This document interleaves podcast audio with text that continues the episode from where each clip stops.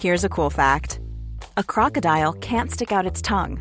Another cool fact you can get short term health insurance for a month or just under a year in some states. United Healthcare short term insurance plans are designed for people who are between jobs, coming off their parents' plan, or turning a side hustle into a full time gig. Underwritten by Golden Rule Insurance Company, they offer flexible, budget friendly coverage with access to a nationwide network of doctors and hospitals.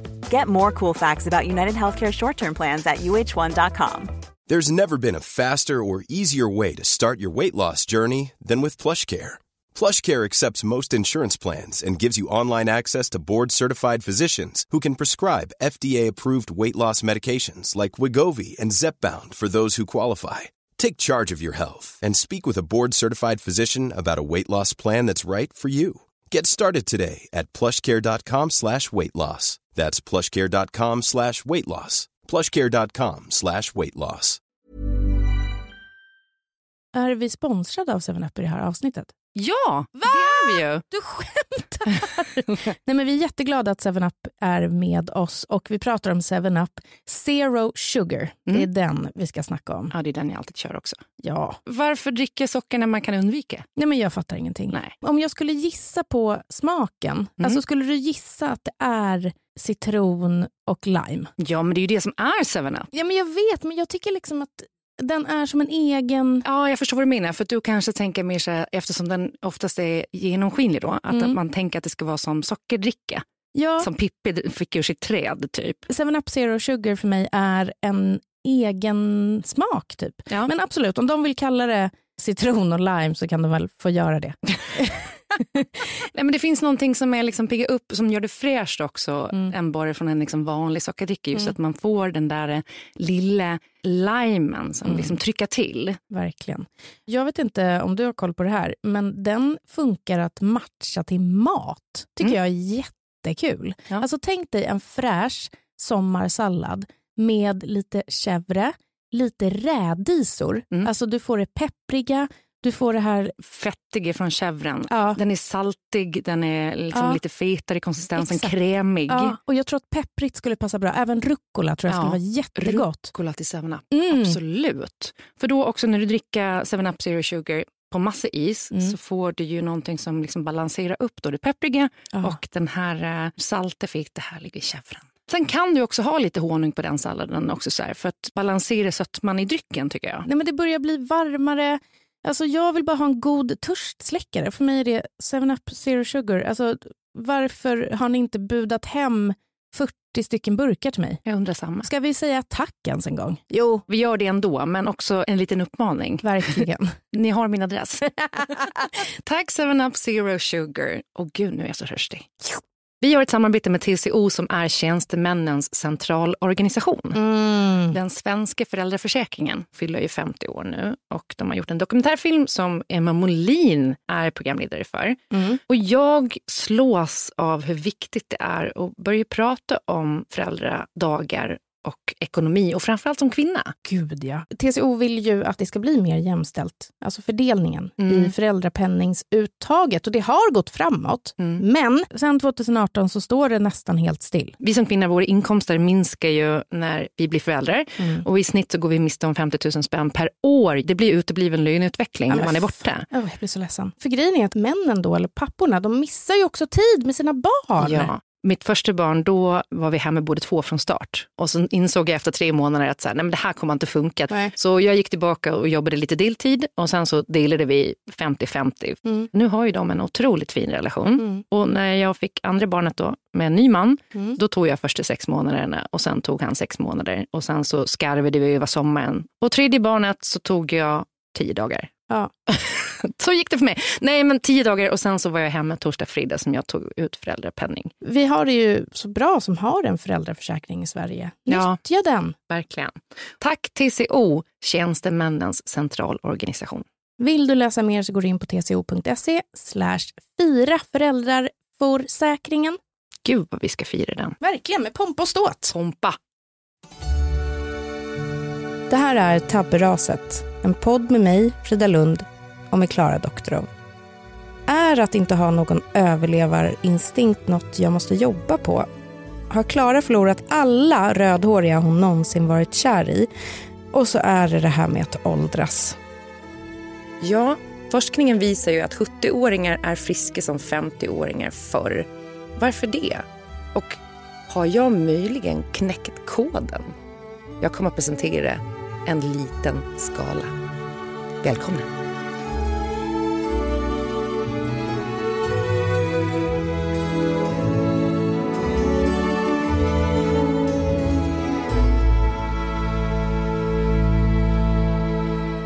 Ska vi bara kasta oss in i veckans ras och kalas? Jag tänker det. Får jag börja då? Mm. Mitt ras är att jag skulle vara den perfekta mamman, frun och eh, matriarken i den här familjen. Jag skulle nämligen sätta upp julstjärnor med min familj. Och vi hade bestämt att vi skulle göra det på söndagen. Mm. Ingen kom ihåg det, inte ens barnen, fast de hade varit jättetaggade. Förutom jag. Men ni ändå upparbetade inför, liksom. för att de gillar ju att ha någonting att hålla fast vid. Det här ska hända om tre dagar, det här ska hända om två dagar. Exakt, det är alltså, mysigt. Konceptualisera. Ja. Och det blir liksom julstämning. Då kommer vi till den här väntan som vi pratade om i några avsnitt sen. Att liksom, nu pågår i alla fall min femårings liv bara mot julen och Mm. vad den ska innebära. Det är väldigt fint. Min eh, kära man då, Anders, hade varit på svensexa, så han var bakis. Och jag hade varit på natten, så jag var bakis.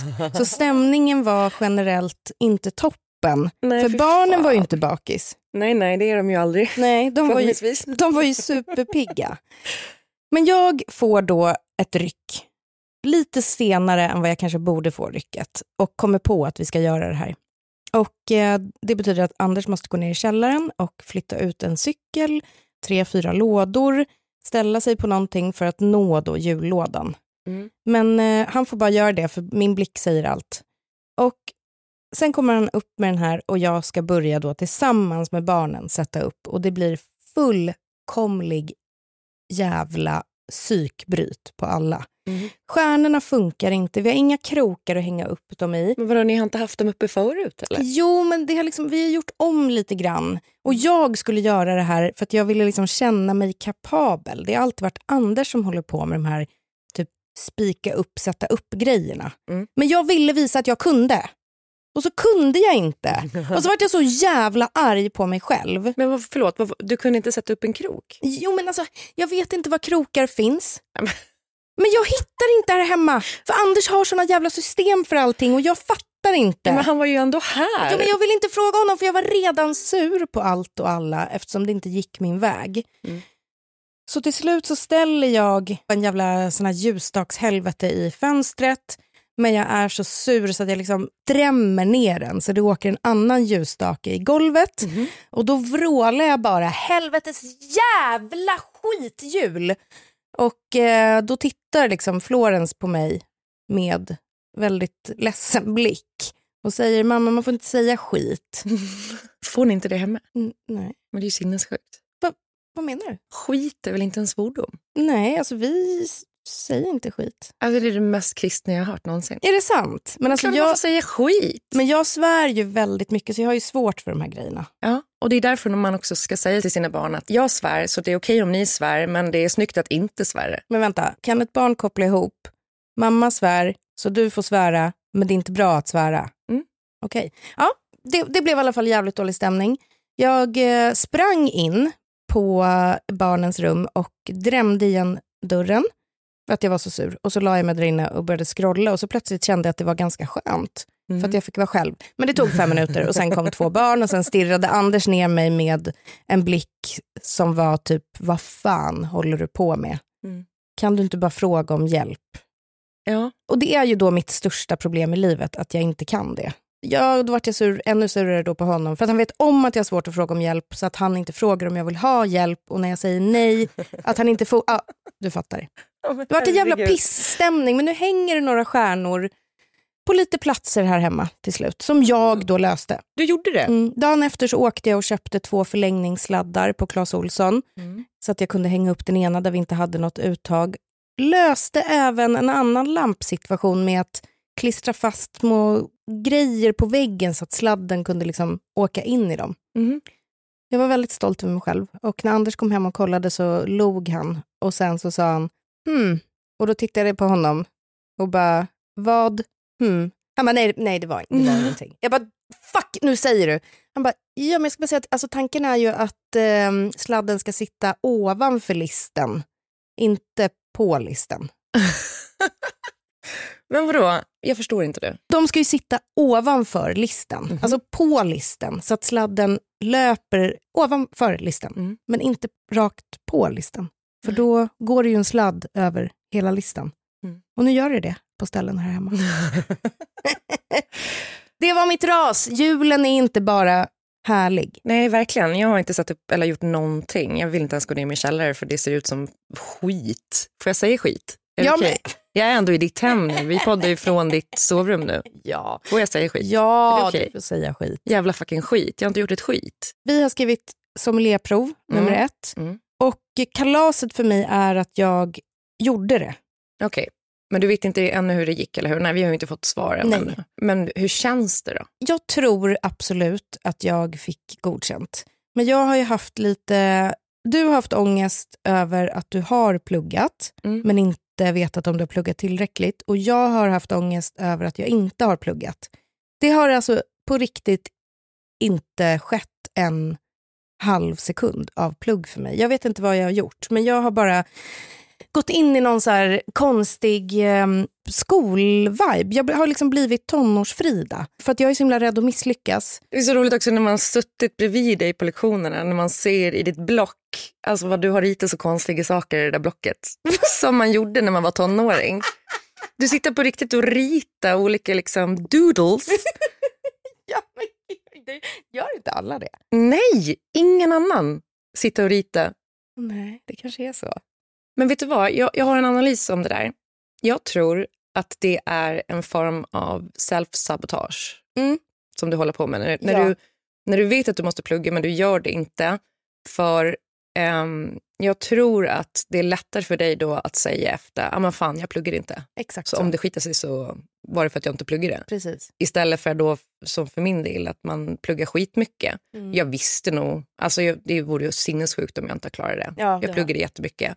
Men jag gick ju på att jag ville ha all rätt mm. och det kommer jag inte få. Nej, men det kanske du inte kommer få. Men, men det är verkligen den grejen och jag gör det ofta. Det är samma sak, jag är ju en person som stannar så fort jag blir jagad. Mm. Jag har ingen överlevnadsinstinkt överhuvudtaget. Skulle jag bli jagad av en mördare, alltså förutom då att jag kan titta på honom eh, och han skulle... och övertyga honom att inte mörda. Ja, det. Mm, om det inte skulle gå så skulle jag bara stanna och säga, men ta mig bara. Alltså gör det. Jag har ju nästan dött i en skidlift. Och eh, då... Vadå, vad fan hände då? Jag och mina tre kompisar var i Järvsö och åkte skidor. Det här är andra gången jag åker skidor i mitt liv. i vuxen. Alltså, Jag har bara åkt två gånger. Den första gången var med en av de här kompisarna i Flottsbro. Mm. Och sen bestämde vi för att åka på en liten skidhelg. Och vi står och nöter i barnbacken ett tag, jag och Martina då som aldrig har åkt innan. Och sen så ska vi ge oss upp i den blå för att testa. Men det är sinnessjukt. Vem fan börjar med en blå? Vad är det då? Alltså, är det högt? Är det liksom... Alltså, du börjar ju barnbacken och sen tar du grön. Ah, nej, vi körde på blå. Mm. Och eh, då när man skulle komma upp till den här backen så var det inte såna knappliftar som det var i barnbacken, utan det var, man satt som i en korg. Och vi har aldrig åkt en sån här lift och i liften så står det någon, någon ung, typ 21-årig grabb, pissbakis från liksom gårdagens afterski så när vi kommer, han bara oh, tja, och vi säger tja. Och eh, våra kompisar sitter liksom två korgar framför oss. Mm. Och korg, eller då den här vaggan eller man ska säga, framför oss sitter en pappa och hans son. Så att vi hoppar på och eh, börjar åka uppåt. Och det är så jävla tungt att hålla upp skidorna. Mm. Alltså det känns som att eh, mina benmuskler håller på att gå av. Och eh, vi sitter där och så både jag och Martina är så här, shit, alltså jag, jag, kan knappt, eh, jag kan knappt hålla upp benen. Vad fan är det som händer? Ska det vara så här tungt? Vi är liksom 15 meter över marken typ. Mm. Vi har inget liksom, skydd, så jag bara sitter och håller i mig. um, och Åh oh, nej, nu vet jag vad du ska med den här historien. Ja. Det här är ju sinnessjukt. Det här är sinnessjukt. Mannen framför, pappan framför oss, vänder sig om för att titta på omgivningarna och liksom kolla bak, vad händer? Ser våran, den här korgen eller vad fan jag ska kalla den för, och vrålar rakt ut. nej! Och, och vi bara, vad, är det som, vad menar du? Vad, vadå? Tittar med så här skrämd blick. Så skriker han, dra ner skyddet! Dra ner skyddet! Oh. Och vi vet inte vad han menar för jävla skydd. Vad är det för skydd vi ska dra ner? Vi har aldrig åkt en sån här korg. Men då tittar vi uppåt och så ser vi att det är som en bygel. Men är ni helt galna och ger er ut i skidbacken när ingen kan någonting? Nej, det här är så jävla dumt. Men för att få ner det här skyddet så måste man liksom dra till. Och det går inte, för vi sitter ju på en liten jävla bräda på 30 centimeter med benen rakt upp i luften. Och hissen eller liften fortsätter åka, men mitt i backen så blir det något fel, så den stannar. Ja, det är då det blir livsfarligt, för och då, då gungar den ju gunga. till. Upp och ner gungar den. Aj, fy fan. Och jag ger då upp. Ja. Jag säger till Martina, jag orkar inte. Jag ger upp. Och hon bara, vad menar du med ger upp? Jag bara, jag släpper taget nu för jag orkar inte mer. Så jag blir helt avslappnad och eh, liksom tappar ner mina stavar och bara alltså, blir lelös Ja. och är beredd att glida ur och Fan, vad 15 obehagligt. meter ner i backen för jag har ingen kämpaglöd.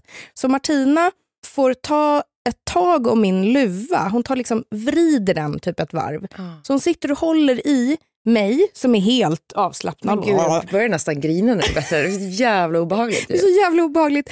Gubben framför han fortsätter bara skrika.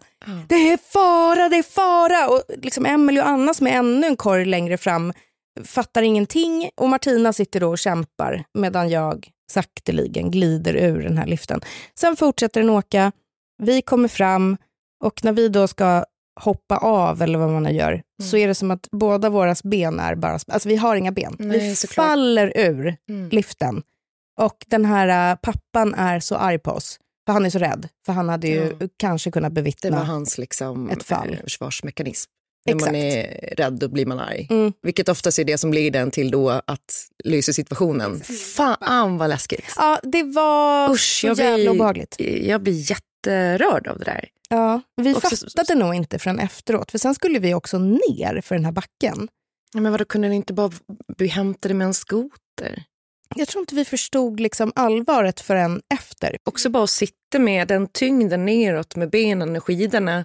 Alltså, inte jag- heller bara liksom slängde av er skidorna där. Men jag tror inte vi visste ens hur man knäppte upp. Alltså vi var så nya, vi, vi fattade ingenting. Sen skulle vi åka ner för den här blåa backen då. Men ni har ju ingen självbevarelsedrift överhuvudtaget. Nej, så att vi ger oss bara av, alltså swishar ner. Och jag säger ett mantra högt för mig själv.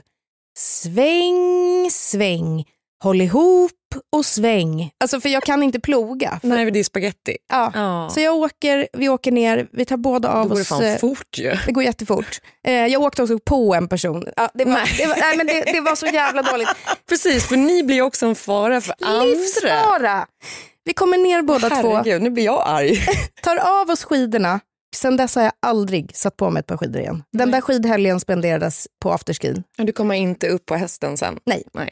Det är kört. På tal om det där, något liknande. För jag har liksom åkt en del skidor och jag började åka när jag var ganska ung och då fick man ju grunderna. Mm. Och då blev jag ganska duktig snabbt. Liksom.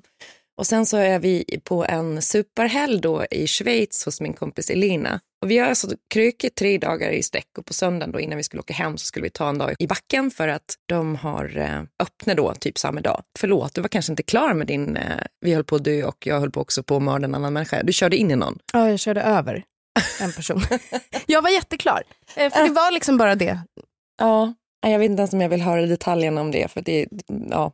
Nej, men så då åker vi upp i den här backen och jag känner innan så här, vet, man har hyrt skidor. De säger att jag är medium så jag har fått så här mediumskidor. Jag, jag borde ha fått nybörjarskidor och allt det där. Mhm. Och jag har inte åkt i Alperna förut så jag vet inte hur det funkar där. Nej. Så man tar ju någon sån här eh, kabin upp i backen. Mhm. Och sen säger de, ja men för att vi ska komma ner till nästa liftsystem så måste vi åka ner för den här. Och då snackar vi ett segment i den här backen som var röd. Ja, och det är ett stup typ. Ja, men rött är fan brant Mm. alltså. Det är liksom svart efter. Ja. Det är ju värst. Och jag känner bara, fuck alltså. Jag vet inte hur det här ska gå. Nej. Så här ganska isigt också. Och får då någon slags total panikångest. Ja. Så att jag kände, nu dör jag. Och så är det som att de andra bara drar vidare och åker ner. Och min kompis Katja, hon är med mig. Och folk swishar förbi också då för att det är ju vana skidåkare. Mm. Så de kommer till höger och vänster överallt och du vet, man har plogit så mycket, benen är spaghetti och jag har panikångest och hon är liksom med mig hela vägen ner när jag liksom i stort sett nästan kliver ner för den här Rydebacken ja. och kommer ner och bara du vet, tårar snor överallt. Ja. Det satt i fan länge, men sen eh, nu har jag börjat åka igen och nu börjar det gå bättre. Hade en liten sån när vi var i Lofsdalen också för något år sedan. Mm -hmm. Jag också kom upp i liksom blå backe direkt när man inte är van. Och, ja. Ja, skitsamma. Men det är skitfarligt. Åk inte skidor. Nej men det är ju det. Eller lär dig åka ja, innan. Verkligen. Jag åkte också in i en skogsparti. För att I den här blå backen, jag hade ju inte heller några stavar. Nej. Jag vet inte ens vad jag skulle med dem till. För jag, det var inte så att jag någonsin använde dem annars. De bara hängde där. Men eh, då försökte jag eh, ploga ganska mycket men jag, det gick liksom inte. Så då bara svängde jag rakt ut åt sidan. Mm. Och då bara kom jag in typ i en skog och ramlade. Och sen, alltså jag kunde liksom inte resa mig upp. Nej. För det går inte att resa sig upp på ett par skidor. För de fortsätter ju bara åka då. Skitsamma, jag kommer aldrig mer åka skidor. Men veckans kalas var ändå att jag genomförde provet. provet ja. Och du med. Det var en lång resa till mål. det var det. Men nu är vi fan i mål ja, och jag vi. hoppas att vi klarar det. Mom deserves the best and there's no better place to shop for Mother's Day than Whole Foods Market. They're your destination for unbeatable savings. From premium gifts to show-stopping flowers and irresistible desserts. Start by saving 33% with Prime on all body care and candles. Then get a 15-stem bunch of tulips for just $9.99 each with Prime. Round out Mom's menu with festive rosé, irresistible berry chantilly cake, and more special treats. Come celebrate Mother's Day at Whole Foods Market. Hey, it's Ryan Reynolds, and I'm here with Keith, co star of my upcoming film, If, only in theaters, May 17th. Do you want to tell people the big news? All right, I'll do it. Sign up now and you'll get unlimited for $15 a month in six months of Paramount Plus Essential Plan on us. Mintmobile.com slash switch. Upfront payment of $45 equivalent to $15 per month. Unlimited over 40 gigabytes per month. Face lower speeds. Videos at 480p. Active Mint customers by 531.24 get six months of Paramount Plus Essential Plan. Auto renews after six months. Offer ends May 31st, 2024. Separate Paramount Plus registration required. Terms and conditions apply if rated PG. Vi hoppar in i ett samarbete tillsammans med Lexus som nu lanserar sin minsta SUV. Ja. Det är lite roligt med den för den säljs i fyra olika atmosfärer för att passa olika personligheter. Väldigt roligt. Ja men eller hur. Och bilen heter Lexus LBX och jag vill också säga och vara väldigt tydlig med att även om den är liten så har den ju det japanska arvet, hantverket och alla exklusiva detaljer som alla Lexus-bilar har såklart. Ja. Det roliga med Lexus är att det du har i din bil säger mycket om vem du är som person och de vill utforska det ja. och göra What's in my car edition, alltså den här gamla goda What's in my bag. Ja. Och vi ska tillsammans med Dumma människopodden utforska det här. Alltså vi ska visa och snacka om vad vi har i våra bilar och så ska dumma människor analysera det. Det är ju skitkul. Ja. Och pinsamt, eller? Kanske lite pinsamt. Ja, för jag tänker liksom, är det jag? Alltså det jag har i bilen, är det jag? För det är nog inte så bra. jag kan liksom känna lite samma sak, men jag tror också att folk kommer att bli chockade över vad jag har i min bil sett till hur jag kanske framställa mig i övrigt som människa. Mm. Så det är spännande faktiskt. Innan vi kommer in på vad vi har i våra bilar så måste vi prata om att då igelhybriden Lexus LBX har olika atmosfärer så att man kan liksom beställa beroende på sin personlighet. Och de atmosfärerna som finns att välja mellan är elegant, relax, emotion och cool. Vilken tänker du spontant passar dig bäst? Jag vill vara en cool, ja. men jag tror att om jag ska köra bil så bör jag vara en relax. ja. Jag är beredd att hålla med med tanke på att jag har sett och hört din road rage.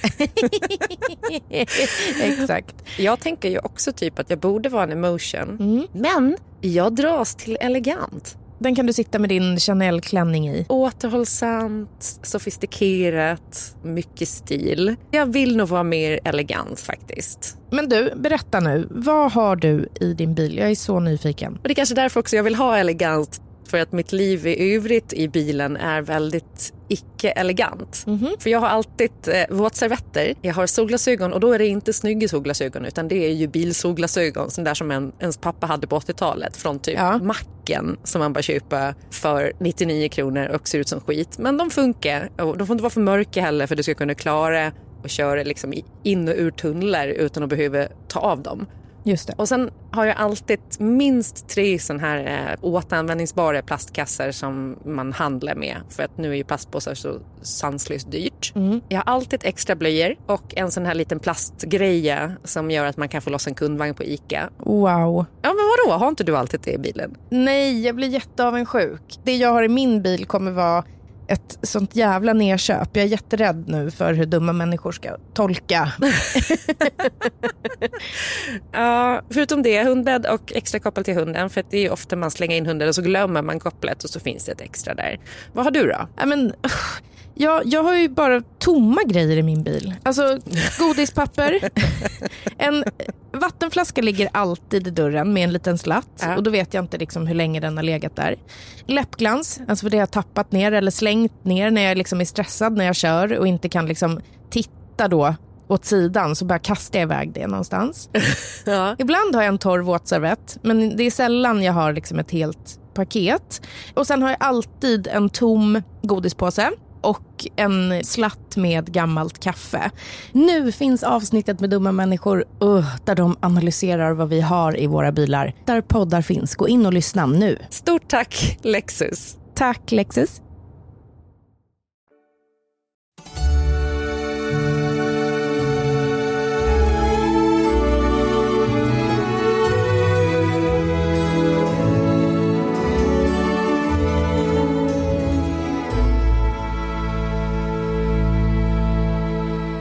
På tal om det där med att bara typ ge upp när man tänker att man ska dö.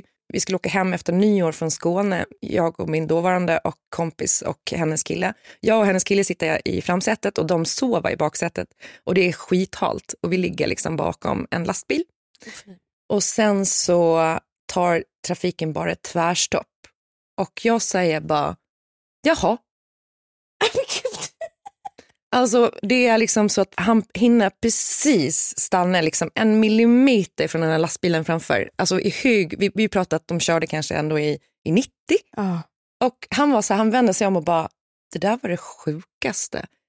Var det din reaktion på att vi ska dö? Jag bara, ja, jag kände bara så här, jaha, så här blev det. Men var det tomt sen? För jag tänker att i de här korta millisekunderna så svischar ju livet förbi för vissa då. Ja, nej det gjorde det inte för mig. Det var helt... Utan, men det kom en känsla i mig som bara var så här, ändå lugn. Förstår du? Ja, men vad fint. När man bara, ja, då blev det så här. Nu dör jag. Och det är okej, typ. Men det tycker jag ändå var fint. Och då kände jag så här, fan, om man hamnar i ett sånt läge någon gång där man faktiskt kommer att dö så här eh, dramatiskt på något konstigt sätt. Mm. Fan, det sjukaste av allt. Om man typ blir mördad av en mördare. Mm. Att man kommer till en gräns där psyket bara kommer att hjälpa dig att så här, eh, ge upp. Det är ju freeze fright. Mm. Och det är väl på ett sätt bra kanske att det finns då. Ja, men typ som att, att hjärnan också, så här, att det blir liksom det blir ljust på något vis, på något konstigt sätt. Men gud. Var det så här, eh, Du har alltså sett Pärleporten, det är det du säger? ja, men, och det var, det var mysigt där i någon millisekund som man bara, ja, jaha, Det här är ju jätte, jätteintressant. Visst är det. Ja, vi, vi måste återkomma till döden i den här glada podden! Ja, verkligen. Vi ska ju alla dö. Vi ska ju alla dö och det kommer vi prata om lite längre fram. Men innan vi ska göra det så måste jag bara säga att Christopher O'Regan då, Mm. ett av mina frikort, Mm. är ju nu osingel. Ja. Det blev en Aftonbladet-nyhet att han har träffat någon tjej som gick på någon av hans de här historiska vandringarna i Gamla stan. Vill du berätta pappa. för alla vem han är? Men Christopher Reagan blev väl typ framförallt känd för att han var med i, som historisk expert i Det sitter i väggarna. I Som SVT. absolut inte alla har sett. Nej, men många. Många. Ja, och många tror jag vet vem Christopher Reagan är. Och det är någonting med honom som jag gillar. Men det är också kanske för att han är, är ginger. Jag tänker att det är, liksom, det är någonting med, med killar som man har gått igång på eller som man gillar, som går och binder sig. Mm. Jag vet inte varför det liksom triggar någonting eh, gammalt i mig. Typ som Att du har torskat typ eller? Precis, och det är inte som att jag bryr mig om jag har torskat Christopher Reagan. Alltså det är Eller? inte så. Jag har hört att det är många som inte har torskat Christopher Reagan. Jag vill inte bli stämd för förtal nu, men han är populär på marknaden. Ja. Och det kan jag förstå. Alltså det triggar någonting i när man ser liksom sån här eh, fuckboys då. Jag säger inte att Reagan är en fuckboy. Men som gängar sig och hur många gånger man har varit med om exakt det där när man har haft ihop det med någon som man har varit så dramatiskt dödskär i. Och som inte väljer en Och sen gå vidare till nästa och där, pang, gänga sig. Och så är det liksom giftermål och det är barn och det är hus och det är villa och det är Volvo och det är allt. Och man bara, vad fan hände där? Du pratar om mitt liv. Verkligen. Det slår mig också då, på tal om Christopher och Reagan, att både de två killarna som jag har haft sådana historier med innan, tre, tre som jag haft sådana historier med innan, mm. alla fucking gingers. Är det inte sjukt? Jo, verkligen.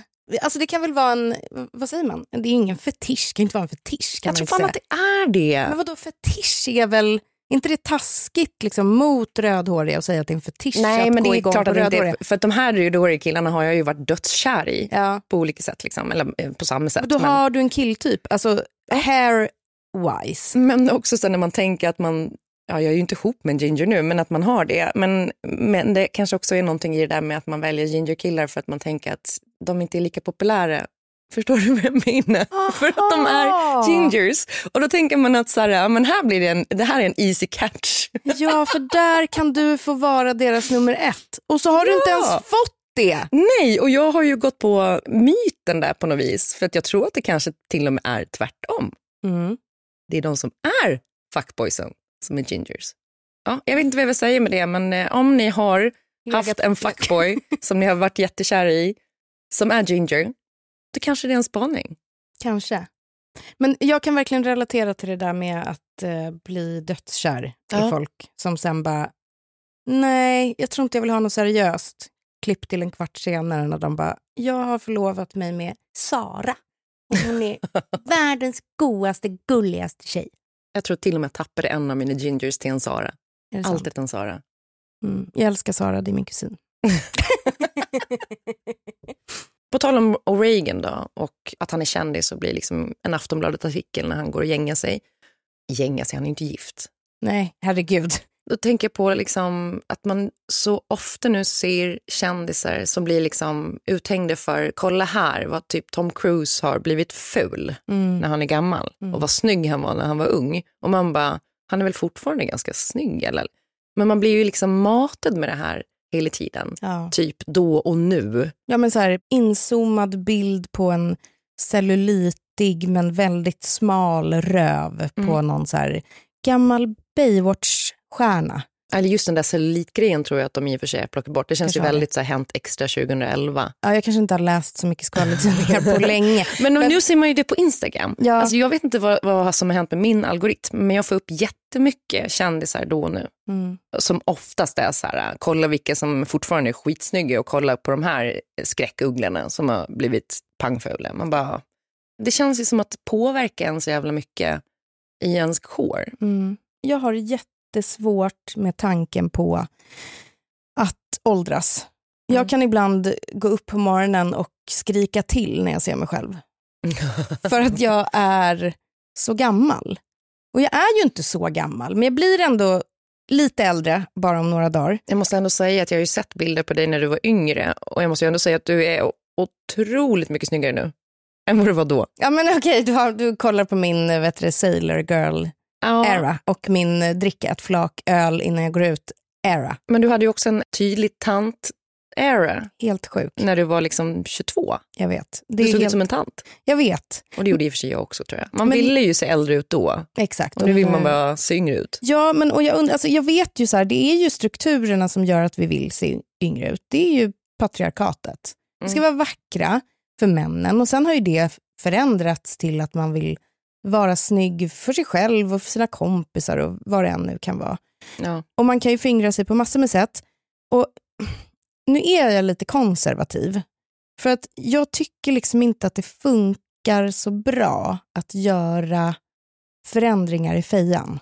Nej, det är väldigt sällan lyckat. Ja, och det känns så himla... Det kanske kan vara snyggt att göra lite botox, pyttelite i pannan så att man bara får en glansig, eh, slät panna. Det kan absolut funka. Men när folk börjar kladda för mycket så tycker jag att man får ett väldigt generiskt utseende. Ja. Alla ser lite likadana ut och de skulle kunna vara 28 men de skulle också kunna vara 45. Och Det är det, det blir liksom en, ett konstigt skifte där i att alla ser lika gamla ut Mm. oavsett vad det nu är. Och jag tycker också att de som gör det som är rätt unga fortfarande, Mm. som kanske inte ens har fått den första rynka, som då antar jag gör det i förebyggande syfte. Men de kommer ju se äldre ut. Mm. För att de hamnar i det här spannet av liksom någon slags ålderslöshet. Exakt. Som är märklig. Och också, eh, jag har ju själv testat botox. Det blev ju fruktansvärt. Ja. Alltså när jag log, när jag såg allvarlig ut så var det väl bra. Mm. Men det gör man ju nästan aldrig. Nej, alltså, som tur är. Har, man har ju alltid ett minspel. Och det var fruktansvärt fult för mig. Mm. Fan, nu känns det som att jag ser ju direkt när någon har gjort det. Det syns. Ja, liksom. Jag kan verkligen tycka att det kan vara fint med en slät panna. Det är inte det. Och jag vill inte bärsa ner på folk som gör injektioner eller som gör botox eller vad det än nu må vara. Man får göra vad fan man vill. Mm. Jag skulle väldigt gärna vilja se yngre ut. Jag har bokat botoxinjektioner under PMS ganska många gånger. Mm. Fram till för typ ett år sedan när jag bara, nej, jag kommer ju aldrig göra det, så varför sitter jag här och bokar? Jag kan tycka att det är så här, jag är snart 40, mm. jag går ut och krökar och dansar ganska mycket nu för tiden. Mm. Och när jag tänker på att vara en 40-årig kvinna så blir det error i mitt huvud. Och jag tror att det är väldigt, väldigt um, formad av vad mina föräldrar var för någonting. Mm. För de var inte personer som gick ut och festade. det var i och för sig ganska mycket fest nu när jag tänker efter. Men jag såg inte dem som de individer. De gick inte på nattklubb, liksom, Nej. dansgolv på det Nej. sättet. Nej. Men jag såg dem inte som individer, jag såg dem bara som föräldrar. Ja. Och det har varit en liksom, epiphany för mig när jag insåg att min mamma och pappa också är personer och människor. Men jag har fortfarande väldigt, väldigt svårt att förlika mig med att jag är i den ålder min mamma en gång var. Men jag är inte alls som hon. Nej. Och, och jag funderade kring det igår när jag låg och så skulle skriva lite för den här podden, om det beror på liksom vad man själv är uppvuxen med, men också finns det någonting i en som tycker att det börjar bli för sent? Ja, jag förstår vad du menar. Att man kan känna att man är lite mamma på stan och att det är deppigt. Ja, för jag kan verkligen se att bara för kanske fem år sedan när jag gick på krogen, då kunde jag ändå få lite mysiga blickar. någon ville flirta. på. Ja, men någon ville bara titta. För alltså, det är nästan så att jag vill arrangera så att det här händer, så att du slutar tjata om att bli raggad på. Jag vet, det är jättesynd om mig. Men då hände det. Och nu är det dött. Det är helt dött. Och då känner jag så här, ska, ska jag börja gå på Stampen ja. i Gamla stan och lyssna på jazz med gubbarna? Du kommer få ragg där. Men det är inte de raggen du vill ha? Det är inte de raggen jag vill ha och jag tänker att är det så att man kommer gå åt ena eller andra hållet, ja. alltså acceptera sitt åldrande och bli en tant eller bli Linda Skugge som är en person... Det finns inget mitt emellan. Det finns absolut inget mitt emellan. Utan en person som tränar 700 timmar om dagen, har en superkropp och pratar om sig själv så här. Det är väl rätt gött, det kan vara mitt legacy. Det kan ligga där en jättefin kropp och så, så här. det är väl lite roligt sådär. Hon eh, vill att hennes legacy ska vara hennes kropp som ligger kvar på internet. Mm. Hon säger även... Kom de fram till och gav blandband? Mig! Mm. Men de låg med dem. Men vem ligger de med nu? Fuck you! Älskar henne för det. Det är ju roligt. Det är jätteroligt. Vem ligger de med nu? Alltså henne.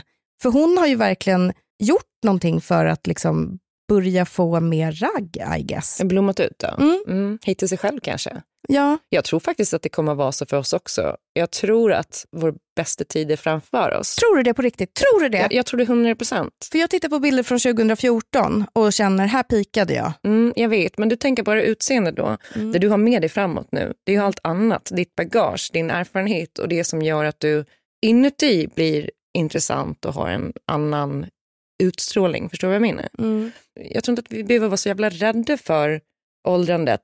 Jag vet inte, du kanske inte såg den forskningen som släpptes bara för någon vecka sedan om att typ 70-åringar är de nya 50-åringarna. Och det här är alltså typ beviset på någon slags cellulär eh, nivå, mm. cellnivå, jag vet inte. Men att de är liksom friska och pigga som 50-åringar var förr. Mm. Vilket ja. innebär att 70 är det nya 50. Men jag tror också att så här, eh, med åldern så släpper också ganska mycket av den här utseendefixeringen. Men tror du att den kommer göra det för oss? Vi är i en annan generation där vi blir matade och matade och matade med nya produkter, nya behandlingar och jag tycker att det är kul. Ja. Jag gillar ju att pilla och dutta mycket mer än nu. Kanske för att det är nu jag känner att jag behöver dölja någonting. Jag vet inte, jag höll inte på så här mycket med att vara intresserad av blå eyeliner och eh, en ny foundation för sex år sedan. Nej. Nej, jag förstår. Men ja, det är fortfarande bara de ytliga grejerna. Jag tror att när du hittar det där andra, det där inre. Mm. Eller jag vet inte, jag känner i alla fall så att mitt värde ökar på något jävla konstigt sätt. Är det sant? Ja. Och jag tror bara att det har att göra med att jag känner mig tryggare och tryggare i mig själv och jag vet vad jag har mig själv på olika sätt. Sen är det klart att jag också så här krisar och vill liksom stoppa fillers här och där och, mm. och botox och, och, skit. Men jag testade ju det.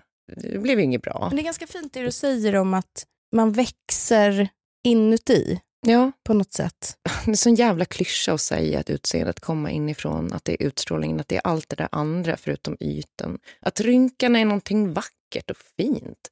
Och jag tycker ändå, även om vi blir jättematade av liksom botox och människor som har gjort olika typer av ingrepp och massa så här pro-Anna-grejer och alla blir plötsligt skitsmala, mm. så känner jag ändå att man också faktiskt får mycket mer av Ja, men det har blivit mer mångfald i reklam, olika kroppar som visas. Eh, mycket mer mångfald inom hudvårdsprodukter också. Mm. Att man ser liksom olika ansikten, unga, gamla, rynkor, inte rynkor. Jag kanske bara väljer att ta till mig det mer. Mm. Och sen så här skita i det ytliga. Mm. Det jag tänker nu, som verkligen bara trillade ner i min hjärna, är att om man... Vänta. Åh oh, jävlar vad sjuk. Jag hade... Lite. jo, men... In och simma nu. In och simma. Om man öppnar den där dörren in, ja. det är ju då det blir läskigt. Då återkommer man ju till att någon verkligen kan liksom komma åt den på något sätt. Men vad har du där inne egentligen? Jag vet inte, det är fan riktigt mycket grejer. Det känns mörkt. Mm. Nej, inte så jävla mörkt. Nej, men det är Nej, inte så jävla mörkt. Jag förstår vad du menar, men vad fan. Alltså, så här, jag har aldrig varit så tjock som jag är nu. Jag har aldrig varit så rynkig som jag är nu. Jag har aldrig haft så fula tänder som jag är nu. Jag har liksom i två år haft en avslagen tand och jag har inte ens orkat gått och fixa den. Nej. Alltså så här, det är bara att fylla i lite grann. I liksom, men jag har inte gjort det. Skit i det. Jag tycker det knasiga är också att man verkligen, när jag tittar på dig, du sitter i min säng här nu, du är lite bakis, ja. du är osminkad, du är ju pangsnygg. Det är det jag försöker hävda, att så här, jag har aldrig liksom, enligt då samhällets mått mätt varit så ful som jag är just nu. Mm. Om man ska titta på vad som är liksom beauty standards. Men jag har heller aldrig känt mig så snygg som jag gör nu. Och det kommer man inte utifrån Nej. på något vis. Alltså så här, jag fick någon, någon bild idag bara från min kompis Carros bröllop som de hade tagit. Och fotografen har tagit bilder när man inte ens har märkt. Du vet, man har inte gjort till sig ingenting. Mm. Alltså, den, en bild här, jag, jag ser ju på riktigt ut som Barbamamma bakifrån. Men det är liksom någonting som är så jävla fint oh. över det här som inte är liksom tillgjort. Mm. Här står jag och pratar med en kompis Katja, jag kanske kan lägga ut dem här på vår Instagram. Som man bara så här, Ja, för det är väldigt narcissistiskt också att titta på bilder som andra har tagit när man till exempel gapskrattar och dubbelhakan ligger vikt ja. någonstans och känna nej den här, den här får du ta bort. Mm. Och så ser man som den personen som har tagit bilden eller personen som står bredvid, det här är en nära vän till mig, hon har aldrig varit så fin som när hon skrattar. Mm. Och att också vara liksom så jävla självcentrerad, för det är det jag känner att jag kanske ska fokusera på att inte vara mm. istället. Att bara skita i och att låta den här jävla ålderdomen om allt vad den har komma. Jag koll... Nej, men den är bra, vad fan. Den kanske är bra. Jag kollade i alla fall som ett avslut på Flashback hur gamla tjejer får vara mm. och när de slutar vara snygga. Eh, och då hade vi jättemånga killar som hade massa svar. Mm. Och de flesta då säger att kring 25 så börjar kvinnor förfalla. Men de snygga, de kan hålla i sig några år till. 18-årige troll som skriver det. Ja, men jag vet. Men det är egentligen ganska deppigt hur snabbt ungdomen flyr, speciellt från kvinnor. Och sen så skriver någon... Gud, du måste verkligen sluta hänga på Flashback. Älskar Flashback. Här är någon som säger, nej, tjejer är allra snyggast när de är mellan 17 och 23. Det finns tjejer som är snygga när de är 30, men de var verkligen snyggare när de var yngre. Punkt. Så där har vi det. Från 17 till 25 då, så hade vi en skala, om vi vill vara snygga, för Flashback-killen Bocky Boat eller medlem 73215. Mm. Jag förstår. Då vet vi.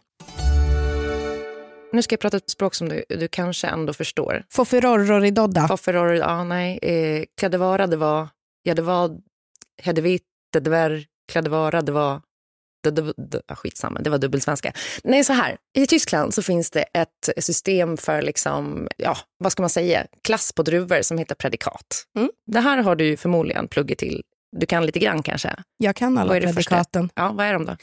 Det är Eiswein. Du måste ta dem i rätt ordning. Spätlese, Auslese, Beerenauslese, Eiswein, Trockenbeere, Auslese. Ja, du glömde kabinett som är först då. Ja, det, ja. I Tyskland i alla fall. Mm. Men de gör ju så att de eh, mäter liksom klass på druvor och klass på viner utifrån då hur söta druvorna är och liksom när de plockas och bla bla bla. Jag kan typ inte ens beskriva detaljerna av det där. Men kabinett då, det är den unga kvinnan. Mm. Och den absolut liksom, mest exklusiva eh, druven, det är ju Trockenbeeren Auslese. Mm. Som är då druvorna som skördes allra senast. De är så skrumpna och de har drabbats av något som heter edelröte. Men ja. det gör ju att de på utsidan de ser ut som skit. Det är fucking alltså, skräp. Ja. Men på insidan så har man det sötaste, det finaste, det är guldet. Mm. Det dyraste, juvelen mm. av druvorna. Det är Trockenbeeren Auslese. Och det är dit vi ska. Hur ska man Trockenbeeren Auslese? Jag skulle säga att nu mellan kabinett, Spätlese, Auslese, vi kanske är Auslese nu. Mm. Men vi kommer att vara som absolut bäst när vi är fucking Trockenbeeren Auslese. Är inte det fint? Det jo. vi tappar på utsidan, det kommer att fylla oss på insidan istället. Ja. ja. Fan vad fint. Mot fucking Trockenbeeren Auslese. Sjukt också igår att jag kunde tydligen, när jag hade drickat två bourbon så kunde jag prata tyska igen. Va? Jag kan inte göra det när jag är nykter. Men när jag är full kommer jag ihåg tyska språket. Skämtar du? Det här vill jag verkligen höra. Was machen wir jetzt? Va? Ich weiß nicht. Du vet inte? Es ist alles so langweilig. Du har varit här länge? Nej. det finaste är i alla fall att en undersökning som heter H70 visar att 70-åringar ligger. Ja, det gör mina föräldrar. Ah, sådär va? Jo, men alltså det, det, den här studien eh, de har gjort på Karolinska visar att ålder inte nödvändigtvis är förknippat med minskad lust. Nej. Och vi har ju fått kritik av en person för att vi pratar sex i den här podden. Ja, det ska vi sluta med. Inga privata sexlivshistorier, det hade vi tydligen gjort. Jag ska inte berätta när jag hade tre. Nej, vi går ut på det här. Var du en i varje? Nej, tyvärr. Vi är tillbaka på fredag med tabbetipset. Följ oss på Instagram, att eh, tabberas1 med ett på slutet. Och eh, hör av er, särskilt om ni har bilder på gingers, eller bilder, jag behöver inga bilder, men gingers som också har varit fuckboys. Jag vill veta. Puss! Du vill bara ha de där bilderna och spara i din lilla vet, bildbank min, på nästa... Gingerbanken. Fy fan.